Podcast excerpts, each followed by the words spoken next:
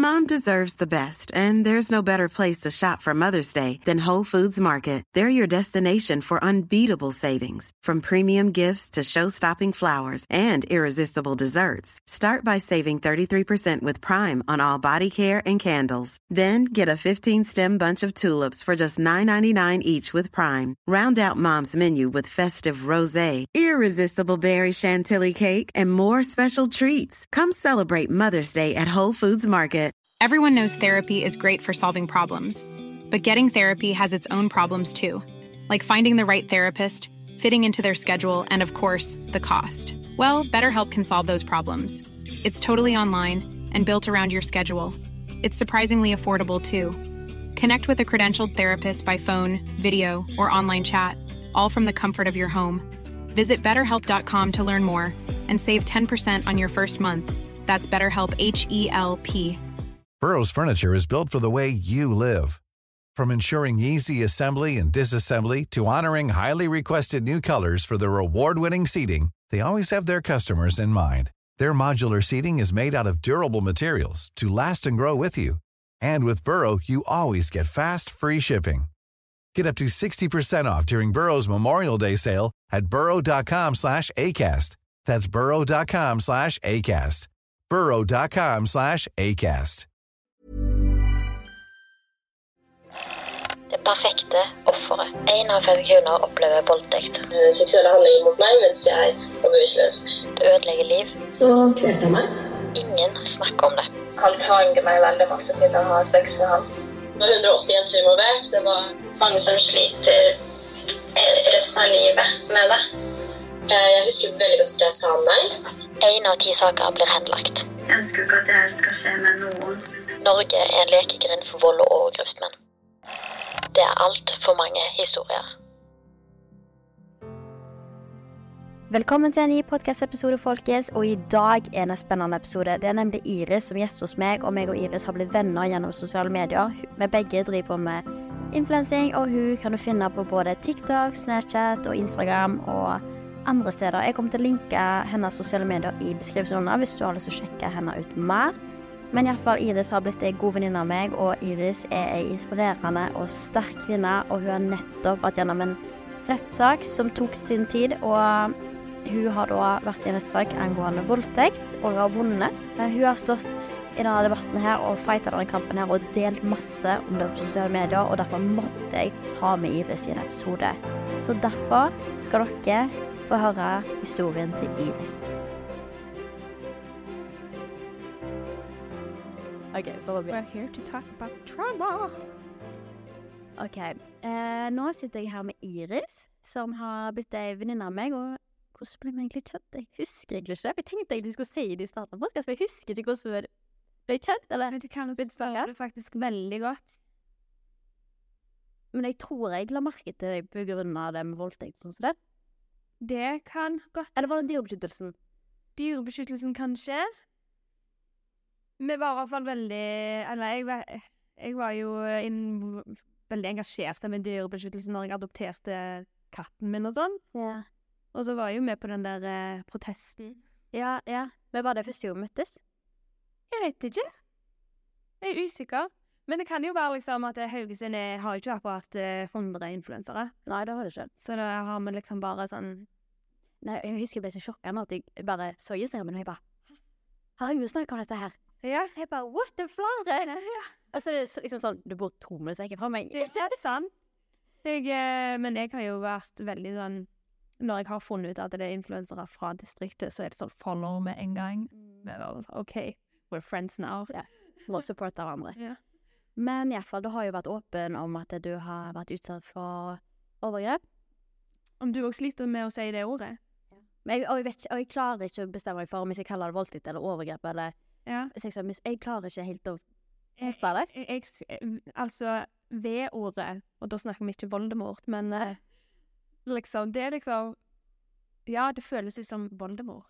Ja, det, ja men det, det er et vanskelig ord Ja. å si. We do not speak of it. Sånn. så. But we do. Yes. Uh, men du har iallfall vært veldig åpen om det. Jeg har vært ganske åpen. Mm. Ja. Du har delt masse. Altså tok du jo Du var jo rettssak. Den delte du masse av? Mm. Jeg har eh, Men det som var, var at når var Når du på en måte holder på med sosiale medier, og så havner du i en situasjon der du går gjennom noe veldig traumatisk eh, Og i mitt tilfelle så mista jeg all energi til å på en måte eh, gjøre det jeg pleide å gjøre på sosiale medier, som er å liksom kødde og dele livet på godt og vondt, og jeg er veldig mye sånn Jeg er en veldig useriøs periode. Jeg er en veldig useriøs person, da, på sosiale medier til vanlig. Um, så jeg følte liksom jeg ikke hadde noen ting å gi til sosiale medier. Fordi at jeg hadde ikke den delen lenger av meg sjøl. Eh, og det var liksom det, Man var så langt nede at uh, jeg følte liksom at det ikke gikk an å late som heller, da. Så da tenkte jeg at OK, let's be real. Og det var så nervepirrende, det steget, når jeg bare bestemte meg for at jeg skulle si det. Og jeg sa det jo til følgerne mine før jeg hadde fått vite noen ting om saken ble henlagt, eller om man gikk videre. Men hva var det som gjorde at du fikk det sikt at OK, nå sier det, eller gjør det? Eller kom det liksom Det falt naturlig til at du gjorde det? Jeg gjorde det egentlig veldig spontant, og jeg tror at hvis jeg hadde tenkt i ti minutter til, så hadde jeg ikke gjort det. Jeg bare fikk en sånn spontan Nå gjør jeg det. Bare sånn hive meg ut i det, og det, det skjer med meg ne. Men sånn er jeg òg. Jeg er sånn Hvis at jeg skal gjøre sånne, typ, sånne litt sånn store ting, så skjer det spontant. Jeg har aldri gjennomtenkt. Det sånn som podkasten min. Det var ikke litt gjennomtenkt i det hele tatt. Jeg bare gjorde det plutselig en kveld. Hvis du føler liksom at dette er This is it, Ja. så fortsetter du. Mhm. Det er liksom litt sånn. Og eh, jeg tror at eh, responsen jeg fikk eh, angående folk som på en måte gikk gjennom det samme Jeg tror du er litt blind til hvor mange som faktisk trenger å høre det du har å si, før du faktisk sier det. Mm. Jeg har merka sjøl at eh, for når jeg har podda eller deltatt på Instagram, så føler jeg ok, nå har, nå har jeg sagt det og gjort mitt, på en måte. Men nei, jeg har ikke, for det er aldri nok, på en måte. Og uansett på en måte hvor ferdig jeg føler meg med det, så er ikke alle andre det. Mm. Ja.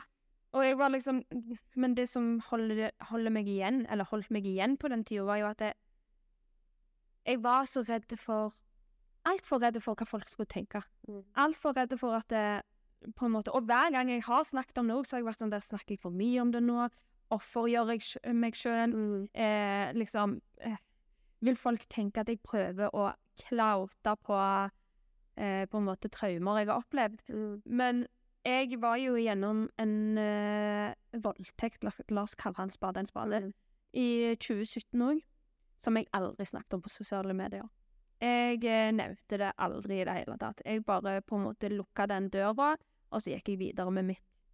Eh, men skal òg sies at jeg føler meg Føler liksom ikke at den Om det er lov å si det i det hele tatt. Jeg ble ikke så prega av den hendelsen som den andre hendelsen. Nei, men det er jo det jeg har sagt òg, at det, det er jo på den groomingen og nettovergrepet som måtte ha har prega meg til de grader. Ikke den fysiske voldtekten som skjedde på Norge, det har ikke prega meg så mye, selv om det har satt sine spor, men det er ikke den som måtte, har gjort at jeg ikke forstår om nettene, Ja. for å si det sånn. Men det er liksom Det var veldig merkelig hvordan eh, kroppen reagerer. Eh, noen ting som kanskje Når jeg forteller det Når jeg forteller historien om det første den første hendelsen Mm. kontra den andre hendelsen, så vil jeg, så vil jeg tro at eh, folk som hører på, vil tenke at det første hendelsen var mye mer traumatiserende. Men det er bare Nei, for meg så var det Så var det ikke sånn det var. Men det var nok Det er nok mye det at kroppen din på en måte redder deg sjøl litt ifra traumene, fordi at han eh, går i lås. Så jeg husker veldig lite fra det første. Så det kan være det òg. Ja. At det, det er på en måte ubevisste minner der som du på en måte er redd, som du på en måte ikke husker selv, men kroppen din husker de, sant? Ja, når jeg leser gjennom avhør, avhøret mitt og sånne ting, så er det liksom Jeg føler jeg er meg veldig dissosiert til hele situasjonen. Det føler jeg jo, fordi når jeg på en måte forteller om det sjøl òg, så har jeg ikke noe Jeg klarer ikke på en måte å ha noen følelse av tilknytning til når jeg snakker om det, fordi det er så langt utenfor min virkelighet. Samtidig som det er veldig min virkelighet, fordi det er jo noe jeg står oppe i hver eneste dag. Vonde ting som jeg står oppe i hele tida. Men når jeg skal fortelle at til andre, så er jo det liksom der ute Ja. for meg. Ja, det er liksom Og, og, og det tenkte jeg faktisk på når jeg skulle i tingretten òg. Jeg har jo aldri vært borti uh, å måtte gå og snakke for en dommer, eller liksom Ja, nå skal jeg overbevise dere om hva som har skjedd. Det var en veldig surrealistisk situasjon å være oppe i i det hele tatt. Men eh, jeg tenkte jo at jeg har på en måte uh, disconnecta så mye fra selve hendelsen at jeg var litt redd for å virke følelsesløs. At det skulle virke sånn at jeg, ja, dette er ikke så viktig. Men når det kom til stykket, og men liksom på en måte virkelig Det ble liksom virkelig gjort for meg i retten. Fordi der kom det opp bilder fra den dagen. Han var der. Det var jo største triggeren av alt. Og alt ble plutselig da kjempevirkelig. Eh, og jeg Ja. Jeg eh, ble liksom litt sånn overraska over hvor dårlig jeg tok den rettssaken, fordi jeg følte meg så uforberedt fordi at det, jeg hadde snakket så mye om det at jeg følte liksom at dette er piece of cake. Ingenting. Jeg takler dette. Men var jo totalt kaka de dagene jeg var i retten. Men det krever jo så mye krefter. Eh, og på en måte, når du går, jeg ser for meg når du går gjennom på en, en rettssak, så er det på en måte Det blir jo livet for en periode. Og det går jo all energien din Mm. til dette her. Eh, det som jeg òg var veldig redd for, husker jeg når jeg snakket åpent om det, det var sånn her eh, Hva folk skulle si. Folk har heldigvis vært veldig snille, eller i hvert fall administratoren har sletta det som er veldig unødvendig, å skrive om. De er heldigvis strenge på akkurat den fronten der. Men jeg husker det var noen som sa, hadde skrevet om at eh, jeg så så eh, rusa ut på storyen min. Og jeg bare sånn Well, hva faen tror du? jeg er sliten, jeg er trøtt. Ja, jeg har tatt meg en uh, beroligende fra som legen har skrevet ut til meg, liksom. Og eh, det husker jeg at det var sånn prikken over i-en når jeg hadde kommet hjem fra rettssaken.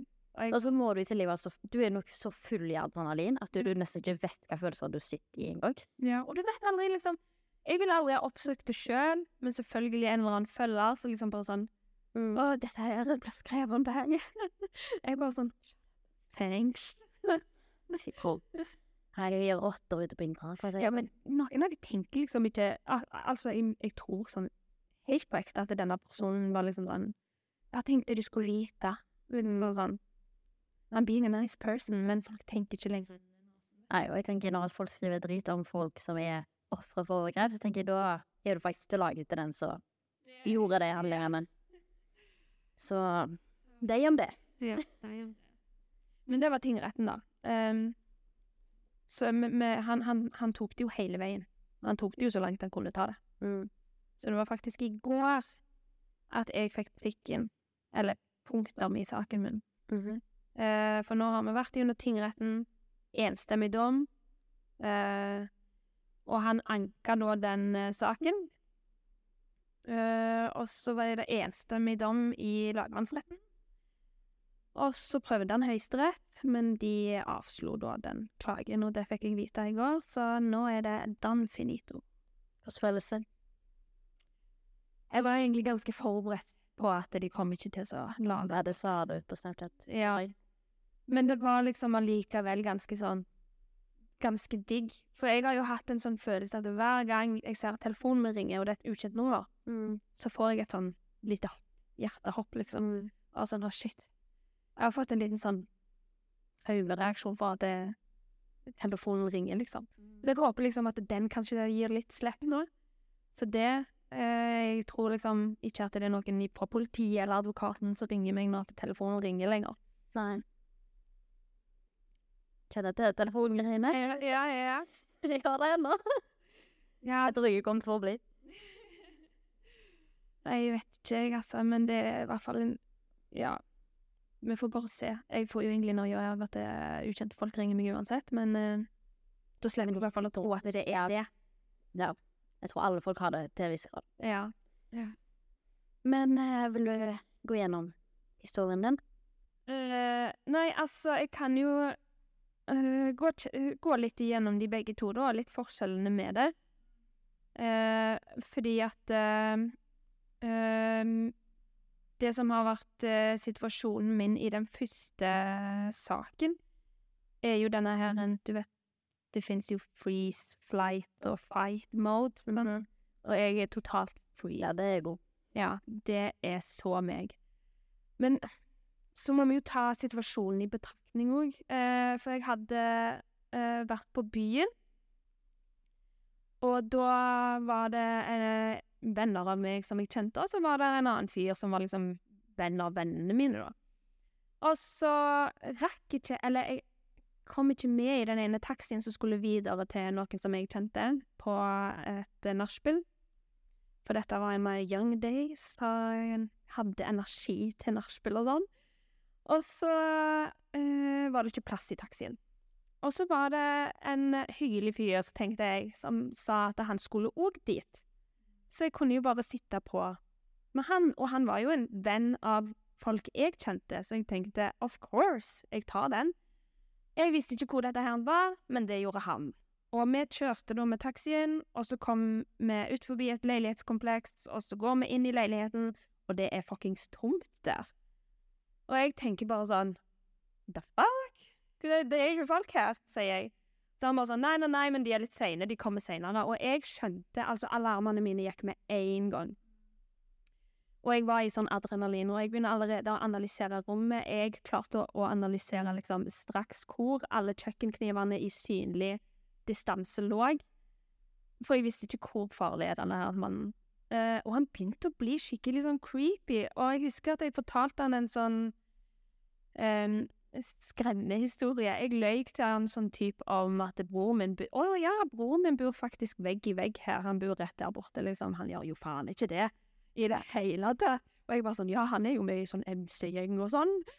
Og så prøvde jeg sånn skremselspropaganda, da. Ja. Eh, Og jeg ler bare fordi at det, øh, det er faktisk Jeg må få lov å ha litt uh, humor på uh, traumebekostning. Det er litt sånn jeg overlever. Men eh, jeg ender opp med å spørre om å få låne toalettet. Og så nekter han meg å lukke døra når jeg er på do. Og da går jo i hvert fall varsellampene mine. Jeg fikk ikke lov å lukke døra, så jeg skriver bare til de som er øverst på Messenger-lista mi, og så skriver jeg til eh, ei venninne av meg, skriver jeg 'hjelp meg', og så til ei annen venninne så skriver jeg 'jeg er redd, hvor er du', og så skriver jeg til min daværende kjæreste eh, Nei, jeg husker ikke hva jeg skrev, men det var nok sånn type 'hjelp meg' der òg, sant. Eh, men jeg hadde ikke tid til å liksom gå inn og skrive eh, liksom detaljert hva situasjonen jeg var i. Så jeg bare liksom skrev sånn stikkord. Eh, og det endte i hvert fall opp med at det, når han på en måte tok på Og denne, denne, denne hendelsen husker jeg nesten nada av. Han tok meg på skuldra og leda meg inn på soverommet, og det jeg responderte med, var ikke å slåss mot han eller noe sånt. Jeg lata så jeg svimte av. Så jeg liksom basically faka at jeg var bevisstløs gjennom hele opplegget. Fordi jeg følte at uansett hva jeg gjør, så kan det gjøre situasjonen verre. Eh, og når alt var over, så sier jeg igjen at jeg må bare på toalettet. Eh, og så ender det opp med at jeg grabber en jakke som henger på en sånn, hva heter det? Høgreiv. Ja. Og så bare tok jeg den, og så sprang jeg ut. Og jeg har jo ikke klær på meg. Og jeg sprang ut, og jeg banker på alle dørene i leilighetskomplekset, og jeg liksom husker ikke helt hvilken vei jeg skal gå for å komme meg ut herfra, for det var mange etasjer. Og så øh, finner jeg veien til slutt, og jeg visste liksom ikke Har han sprunget etter meg? Hva er det som skjer? Og så ender det opp med at jeg møter ei uh, litauisk dame uh, som var på vei til uh, trening klokka fem på natta. Eh, og hun bare sånn ringte til politiet, fordi hun skjønte jo at her er det noe alvorlig galt, og politiet kom. De tok det veldig alvorlig. Eh, de prøvde å finne han i leiligheten, men han var ikke der, og han endte da opp med å på en måte møte opp politistasjonen frivillig, da, og tok den der good guy og Nei, nei, nei, det var frivillig, og jeg skjønner ikke hvordan hun kan ha tolka det sånn, så det ble bare ord mot ord. Til tross for meldingene jeg hadde sendt, til tross for naboene som hadde hørt meg banke på døra, til tross for hva situasjon de fant meg i rett etter hendelsen, ord mot ord, det var ingen andre der som kan si hva som har skjedd. I tillegg til det, og dette her reagerer advokaten min, dette er en hjertesak som advokaten min har, er at det, i praksis i Norge, i forhold til alle andre land, så er det ikke voldtekt. Fordi jeg sa ikke nei. Altså, jeg tenker Du viser med hele deg at du ikke har lyst. Jeg grein. Ja.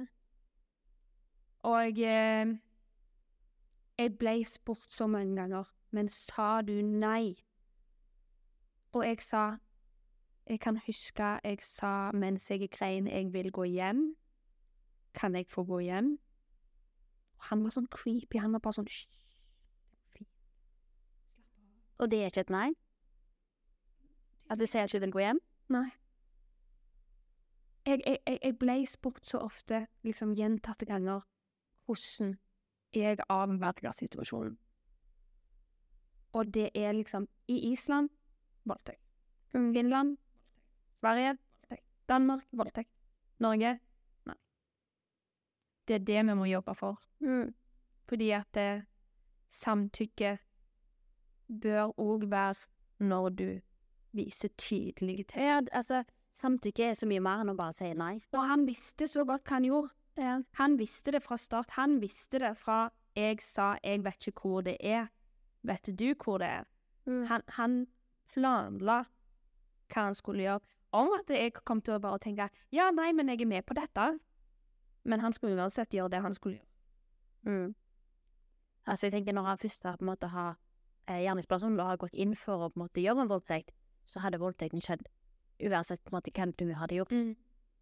Men det kunne kanskje vært konsekvenser at du hadde blitt skada på en annen måte. Ja, jeg vet ikke. Altså, hvis jeg hadde gått total ninja på han, holdt jeg på å så kunne jo jeg ha blitt skada sjøl. Men det har jeg hørt flere i postkassen som har gjester da, som har sagt at eh, for eksempel Ina hadde en fyr som fulgte henne hjem. Eh, og hun sa jo at nei, jeg bare lot som jeg var død, fordi jeg visste jo ikke, visste jo ikke hvem den mannen her var. Jeg visste jo ikke hva han var i stand til å gjøre. Plutselig drepte han meg, liksom. Det, er- det er derfor det er helt sjukt at Norge ligger bak på akkurat det der. Og jeg har ikke hørt noen ting om at det har blitt endring siden jeg sist snakket med advokaten min om dette. Så jeg tror at det fortsatt er sånn. Jeg tror jeg hadde visst om det hvis jeg hadde gjort noen endring på det. Og så tenker jeg sånn Med barna Ja, med barn, sant? Jeg, og jeg, jeg tror eh, det er denne her, det er vel det Emilie Mehl snakker om, med denne samtykkesloven. Du misforstår samtykkeloven så sinnssykt mye når du sier det. Akkurat som du skal sette deg Men jeg- Men jeg syns det er vanskelig hvordan de skal få det i praksis til. Ja, Ja. Det er vanskelig å Jeg tenker jo at samtykkeloven sånn type, i hvert fall må gå inn forbi det at det, sant, det som jeg opplevde òg klassifiseres som en voldtekt i Norge. Det burde det. Men jeg, det jeg syns var samtykkeloven, jeg tror ikke det kommer til å ha så mye endring på, eh, på domfellelser og sånne ting. Men jeg tror det kommer til å ha en endring på sånn samfunnet. Hvis jeg snakket meg så hadde jeg jobba i politiet, Ja. og hun sa jeg tror ikke det kommer til å ha noe med domfellelsene å gjøre. Det kommer i hvert fall ikke til å ha noen ting med eh, hendelser å gjøre, hvor mange. Nei. Det tror jeg ikke. Men i enkelte tilfeller kan det styrke Ja, det, det tror jeg òg. Og jeg syns det er på høy jævla tid at vi får samtykke, samtykkelov, fordi nei er et nei. Et samtykke Er det ikke samtykke, så er det ikke samtykke. Ferdig snakka. Og vi i Norge, som er et så jækla bra land, hvorfor har vi ikke det i Norge når det er mange andre land som har det? Vi bør ha mye mer strengere begreper på hva eh, en voldtekt er. Ja. Og det er nok ikke Altså, samtykkeloven kommer jo dessverre ikke til å løse altså, mange problemer utenom at det, det bør på en måte være bare i praksis. Ja, men det er en prinsippsak. At det, sånn burde det være. Men forskjellen på sakene var jo at eh, i sak nummer to så visste ikke jeg at jeg hadde vært utsatt for en fullbyrda voldtekt før.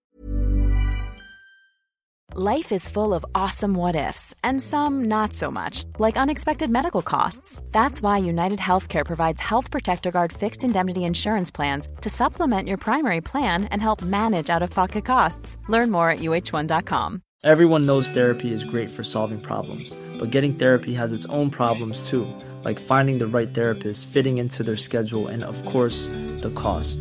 Well, BetterHelp can solve those problems. It's totally online and built around your schedule. It's surprisingly affordable too. Connect with a credentialed therapist by phone, video, or online chat, all from the comfort of your home. Visit betterhelp.com to learn more and save 10% on your first month. That's BetterHelp, H E L P. før jeg kom på voldtektsmottaket.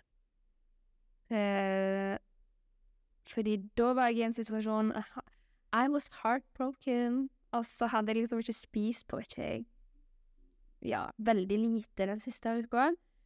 Og så får jeg invitasjon om å komme på en fest.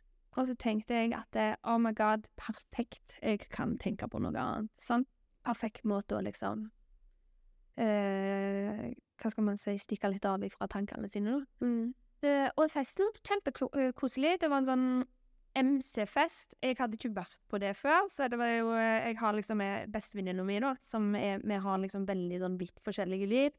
Hun er veldig kul, jeg elsker henne overalt på jord, men vi er bare veldig forskjellige som folk. Eh, så jeg var med på det, og alle der var kjempehyggelige, og jeg hadde en veldig fin opplevelse. Og så var vi en liten tur på byen, og allerede liksom Jeg skulle ha gått hjem etter byen, når jeg tenker på det. Eh, sånn bare fordi jeg var overstadig berusa, ikke fordi at 'å nei, nå kan jeg bli voldtatt'. Det er jo aldri min feil på noen som helst måte. Men jeg ble i hvert fall med videre, da, på nachspiel til en av disse herrene som var med i denne klubben.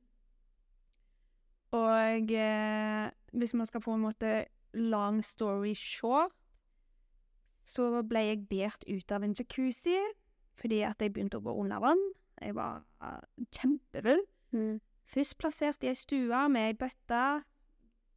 Venninna mi tok meg inn på badet for å brekke meg, og så sier hun liksom til slutt til han som bor der, kan hun få lov å legge seg på soverommet ditt? Fordi at hun er kjempedårlig, hun må hvile, liksom. Null stress, bare legg henne inn der, det går fint. Eh, ender opp med at det går litt tid, og han her kommer da vasende inn på rommet og legger seg, eller legger seg i hermetegn. Uh, og jeg våkna jo da av en blitz, og du vet den lyden som starter når du starter å recorde på en iPhone? Mm, det var Ding, ding. Ja, kling, kling. Det var sånn.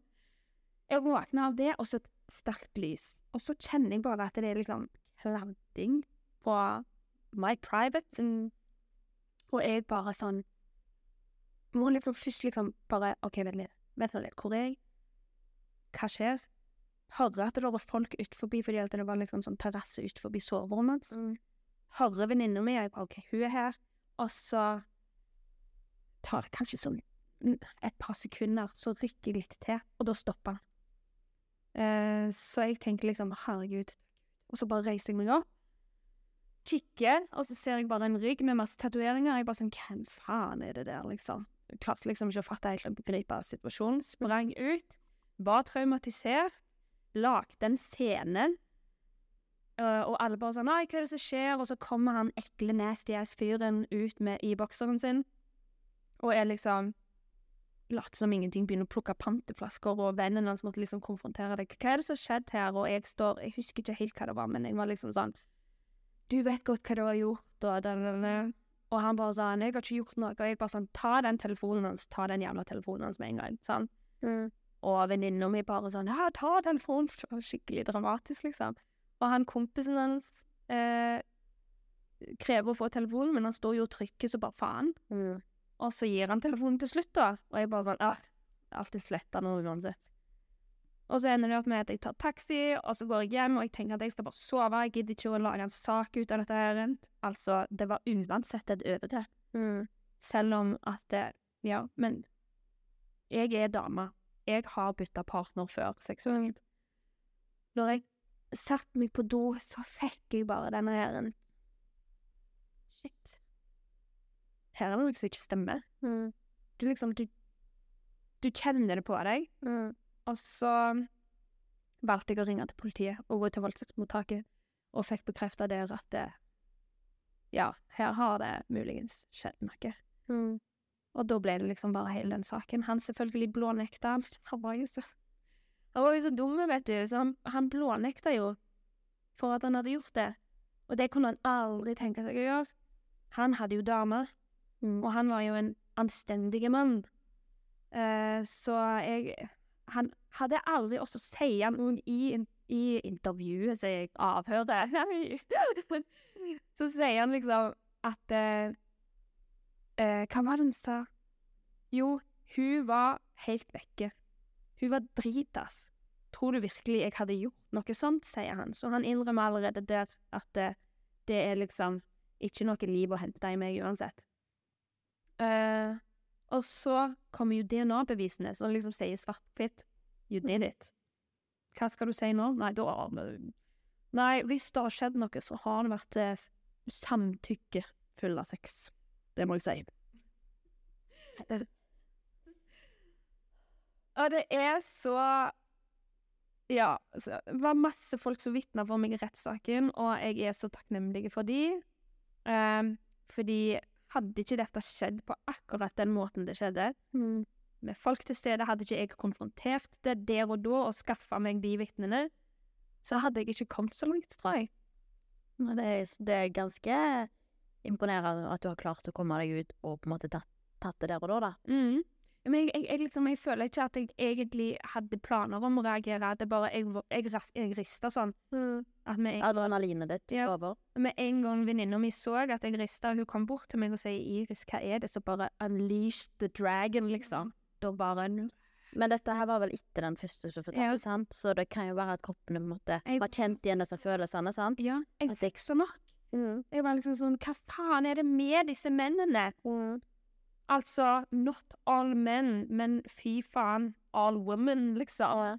Altså, jeg tror jo på at eh, majoriteten av menn er decent, men det er faen så mange av de som er så creepy. Det er mange av de som har helt sjuke intensjoner, Mm. og tror at damer er objekter. Ja. For det er jo det du har blitt behandla som. Du har jo blitt behandla som et objekt. Ja, 100% Det En grunn til at meg og Daniel, altså at jeg klarte å i det hele tatt uh, bygge opp et forhold til Daniel, var jo fordi at uh, vi, vi, vi snakket jo veldig lenge, og så sov han hos meg. Jeg tror han sov hos meg uh, syv ganger før jeg liksom made a move. Fordi at han var liksom så respektfull overfor hva Han spurte aldri når er du klar. Han spurte aldri nærmer du deg klar, eller han, han spurte aldri om noe sånt. Han bare sånn Men visste han om det? Han visste om det, ja. Han var bare sånn veldig sånn der Ja, veldig Veldig respektfull på den måten. Og har alltid vært, og er til den dag i dag, veldig respektfull. Eh, men uh, sånn generelt så sliter jeg jo med mannfolk. Ja, det gjør jeg òg. Ja. Og jeg tror, jeg, jeg tror sånn helt abonnert, jeg tror ikke at det var en for resten av livet. Ja, jeg òg. Men, men før disse her hendelsene uh, Når jeg var typ sånn i tenåra, så husker jeg at jeg var så liksom Hadde veldig sånn promiskuøs uh, um, oppførsel, da. På byen og på fest og sånn, og elsket oppmerksomhet fra menn. Elsket å snakke med dem, elsket at det, og planta meg sjøl i minnet deres, mens nå er det liksom sånn please, ikke snakk til meg. Jeg vil ikke ha noen ting med ukjente menn å gjøre. Jeg vil ikke at de skal synes jeg er fin. Jeg vil ikke at de skal hitte meg opp. Jeg vil være helt i fred. Nei, men jeg husker det når jeg er på butikken og sånn, så da, det kan jeg ennå i dag, den dagen. Jeg får skikkelig sånn støkk i meg. bare- Ja. Fordi at eh, vet du, jeg bare er konstant redd. Fordi du vet aldri. Det kan skje hvor som helst, og du vet det jo så veldig godt også, at det kan, ting kan skje hvor som helst. U Upassende ting kan skje overalt, på butikken, her og der, og, og overalt. Og folk som minner deg på den personen. Ja. Og vet du hva jeg syns er ekkelt? Jeg, jeg klarer ikke å se i hodet mitt på gjerningspersonene mine. min bare han ene, for han vet ikke hvordan han ser ut. Men han andre vet jeg ikke. Men jeg, jeg har bilder av han sånn ish, sånne små ting her og der. Og hvis jeg ser for eksempel en eh, hvit genser, akkurat sånn som han hadde, som jeg husker, og samme type hårfrisyre, eh, og så blir jeg sånn «Øh, Ja. Er det deg? Jeg får skikkelig frysreaksjon. Der er en som pleier å gå jevnlig på sparebutikken. Av og til så ligger det sykt mye på han, så jeg bare er rett mot. Og jeg hater det. Han er sikkert en kjempesnill fyr. Men eh, jeg blir liksom sånn Å, herregud. Mm, da er det liksom bare å vente på at han skal bli ferdig. Sånn, Du har ingenting med dette å gjøre. Du var veldig uheldig utseendemessig. Men eh, hvordan var det å møte han i retten? Ah, han er så ekkel. Jeg ble liksom Det var liksom Å se han gjorde ikke så veldig mye, men å høre han snakke mm. Fy faen. Men føl, fikk du liksom der Jeg ser, jeg ser på meg at du får sånn der sånn, litt sånn empowering ting med å være i retten. Følte du det? Jeg bare sånn Der sitter du. Åh. Var det verdt det? Var det verdt det? Det var litt sånn Hva dom fikk han? Tre år og åtte måneder endte det opp med. Ja, så irriterende fordi at um, han fikk egentlig tre år og elleve måneder. Selv om um, statsadvokaten ba om tre år og åtte måneder, så fikk han tre år og elleve måneder. Jeg tror bare at de som var i tingretten var ganske lei om bullshit hans. Og de bare sånn, vet du hva, du skal få litt mer. Men uh, så fikk han tre år og åtte måneder i Høyesterett, og det jeg har inntrykk av at grunnen til at, han, at de gikk ned de månedene, er fordi at eh, han ikke skulle ha noe ankegrunnlag til Høyesterett. At han liksom skulle få det som etter rettssystemet er hans straff for. Er du fornøyd?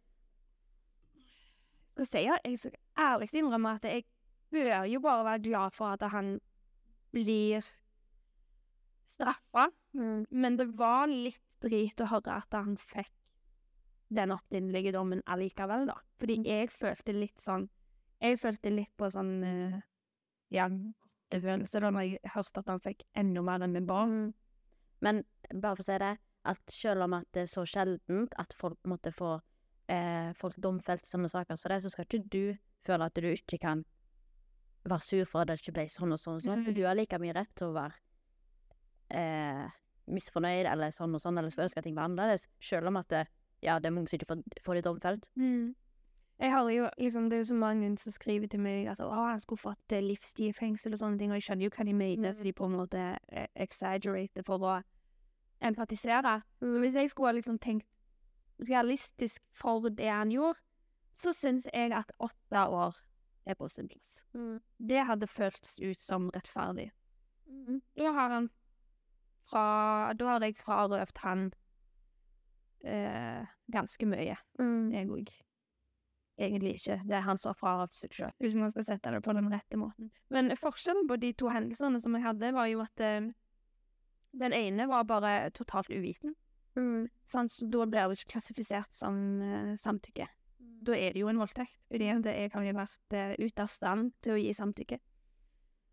Uh, og selve hendelsen som jeg ble traumatisert av, var egentlig toalettbesøket mitt når jeg kom hjem, og voldtektsmottaket. Det er liksom de traumene Det som traumatiserte meg i den hendelsen. Mens traumatiseringen fra den første hendelsen var jo hele, hele hendelsen, fordi jeg, jeg, jeg var der for å oppleve det. Uh, jeg er så glad for at i den eh, andre saken at jeg ikke husker selve hendelsen. Men eh, så var det jo dette her etterpå. Men jeg tror at grunnen til at jeg opplevde det som mer traumatiserende når jeg tenker på det nå mens jeg snakker på det, litt sånn til ettertanke, det har nok traumatisert meg mest fordi jeg vant igjennom. Jeg måtte gå gjennom det så mange ganger. Jeg måtte liksom snakke om det ofte på eh, avhør, og det var så mange rettssaker, og det var liksom mye å grue seg, og mye liksom utsettelser, og det liksom Det var rippa opp hele tida. Så det er dumt å si det. Jeg har ikke lyst til å si liksom offentlig Jeg ble traumatisert av å gå gjennom dette rettssystemet. Fordi jeg vil ikke at folk skal bli redd for å gjøre det samme. Derfor syns jeg det er veldig drit å på en måte si det høyt, men det er realiteten. Det er traumatiserende. Men jeg har jo sagt det at jeg, jeg tror ikke jeg hadde begynt å slite så psykisk hvis jeg ikke hadde anmeldt det. Ikke på samme måte. Fordi at når jeg anmeldte det, det å bare sitte i de avhørene og gå gjennom det så mye med advokat og med politiet og alt det der, og de spør om helt syke spørsmål som du aldri hadde tenkt på sjøl engang. Og den, måte, den der rippinga opp i vonde sår eh, Jeg vet ikke hvordan jeg skal beskrive det for det er vanskelig hvis du ikke har sittet i det sjøl. Men det er retraumatiserende på en helt annen måte. Ja. Og det er jo um, Jeg nevnte jo til deg i stad uh, Men hvor gammel var du? Du var ikke mer enn sånn Det var ti. ti? Det ene overgrepet var ti til jeg var tolv, og så det fysiske skjedde på Norway Cup når jeg var litt over tolv. Du var jo et barn. Det er faktisk helt sjukt. Jeg klarer ikke å se det for meg engang. Fordi jeg hadde ingen sånne Det klarer ikke jeg heller. Jeg klarer liksom Men eh, når du viste deg der Når du ser liksom bildene av deg fra den tida Jeg har jo sett eh, for eksempel podkasten du gjorde med Martine, så eh, videoer du har lagd om det, men liksom det bildet av deg, det setter liksom sånn et helt annet Ja. Og da var jeg 13. Jeg var yngre, jeg var yngre enn de bildene nå. Ja. Det, det er ganske sjukt. Ja. For jeg har ingen bilder av meg på den tida. Men jeg har vært eh, Når folk tenker liksom Å, herregud, tenk at Iris har vært uh, utsatt for uh, to voldtekter, liksom. Mm.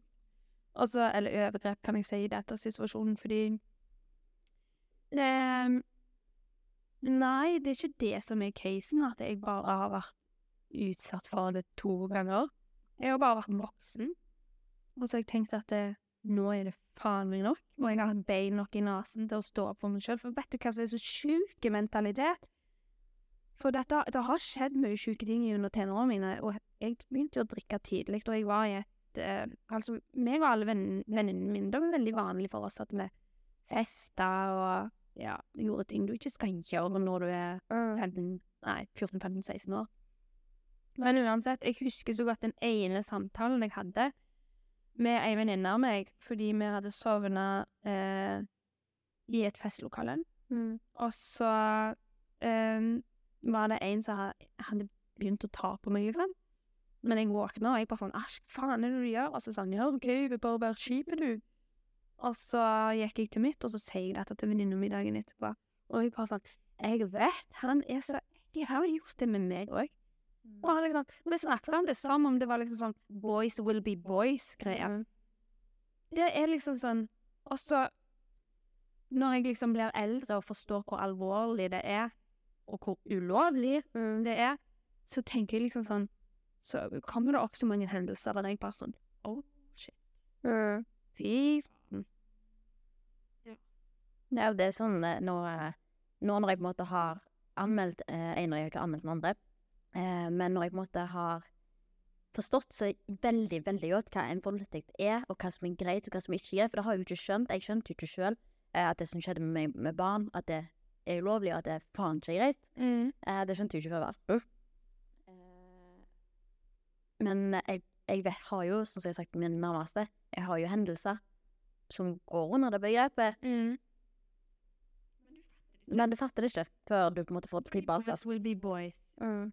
Og det er så normalt. Ja, og det er så bra. Vi snakker Jeg er så glad for utviklingen av sosiale medier, egentlig. Fordi du trenger ikke nødvendigvis å hooke tak i en journalist for å bli sett. Eh, du kan stelle deg i stand sjøl, sånn som du har gjort med din podkast. Og mm, det blir mer snakket om nå. Hadde folk snakket om det sånn som vi snakker om det nå, når jeg var liten, så hadde jeg skjønt mye av de greiene tidligere. At det ikke bare var liksom boys will be boys. Ja, og det er sånn som jeg har sagt, òg, så hadde jeg på en måte hatt det forbildet som jeg prøver å være for andre, så hadde kanskje jeg sagt noe når jeg var ti år. Det hadde kanskje hatt en helt annen effekt. Det hadde kanskje aldri skjedd hele tatt. Ja, jeg er helt enig. Og alle de gangene jeg har vært på chat chatbillett som tolvåring, og, og liksom 40-50 år gamle menn har hatt lyst til å se meg Så sjukt! Og det er mange! Og det er mye som skjer på internett i dag som faen ikke greit. Ja, Det er, det er det. det er mye av det. Ja. Hvordan reagerte de rundt deg? Å, fy fader, jeg hadde Å, fy fader, jeg hadde så mye støtte, og jeg blir nesten Altså, jeg er så glad på mine vegne, men så Skulle så ønske at alle fikk det jeg fikk. Sånn som når dette her skjedde. Det var altså han Om saken hadde blitt henlagt, så har han blitt straffa av hele samfunnet rundt ham. Jeg ble jo selvfølgelig møtt med mine, min familie og mine venner. Eh, Folk var med meg 24-7 for å passe på at jeg hadde det greit. Um, og Ja. Det var liksom Men det som skjedde med han, jeg syns det er so funny.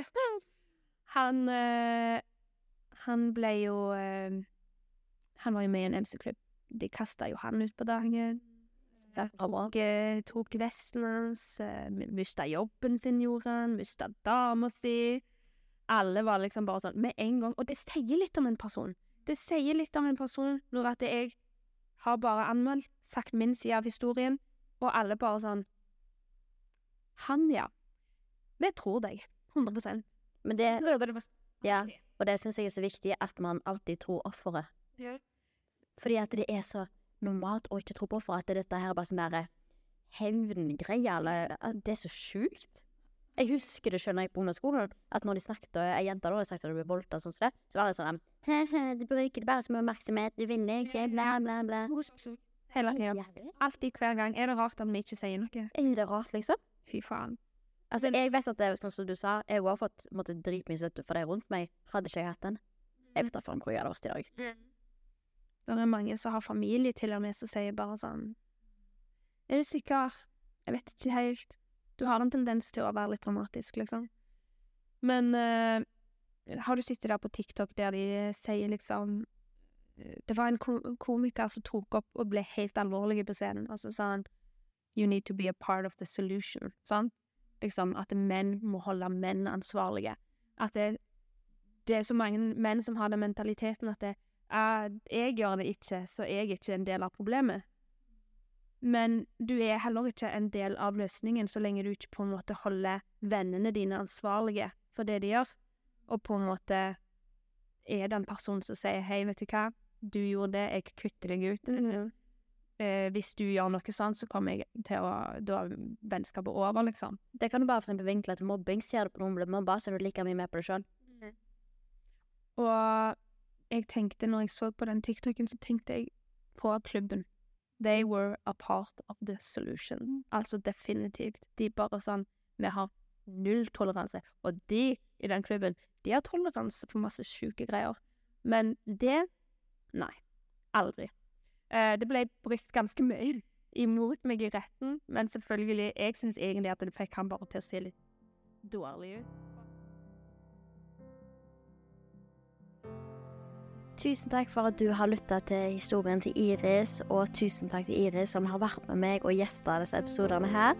Eh, vi har hatt en kjempefin samtale, og Iris er en så sterk kvinne og inspirerende, og hun kjemper for så mye godt og deler åpentlig på sosiale medier som krever sinnssykt mye mot, og hun er tøff, så stikker hodet sitt fram der for alle andre som ikke kan gjøre det.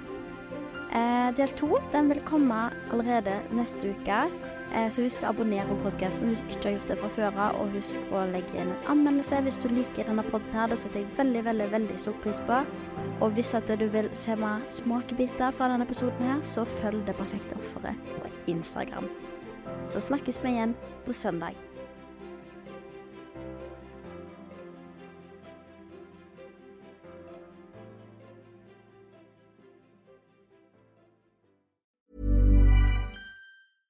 Mom deserves the best, and there's no better place to shop for Mother's Day than Whole Foods Market. They're your destination for unbeatable savings, from premium gifts to show-stopping flowers and irresistible desserts. Start by saving 33% with Prime on all body care and candles. Then get a 15-stem bunch of tulips for just $9.99 each with Prime. Round out Mom's menu with festive rosé, irresistible berry chantilly cake, and more special treats. Come celebrate Mother's Day at Whole Foods Market. Even when we're on a budget, we still deserve nice things. Quince is a place to scoop up stunning high-end goods for 50 to 80% less than similar brands. They have buttery soft cashmere sweaters starting at $50, luxurious Italian leather bags, and so much more. Plus, Quince only works with factories that use safe, ethical, and responsible manufacturing. Get the high-end goods you'll love without the high price tag with Quince. Go to quince.com slash style for free shipping and 365-day returns.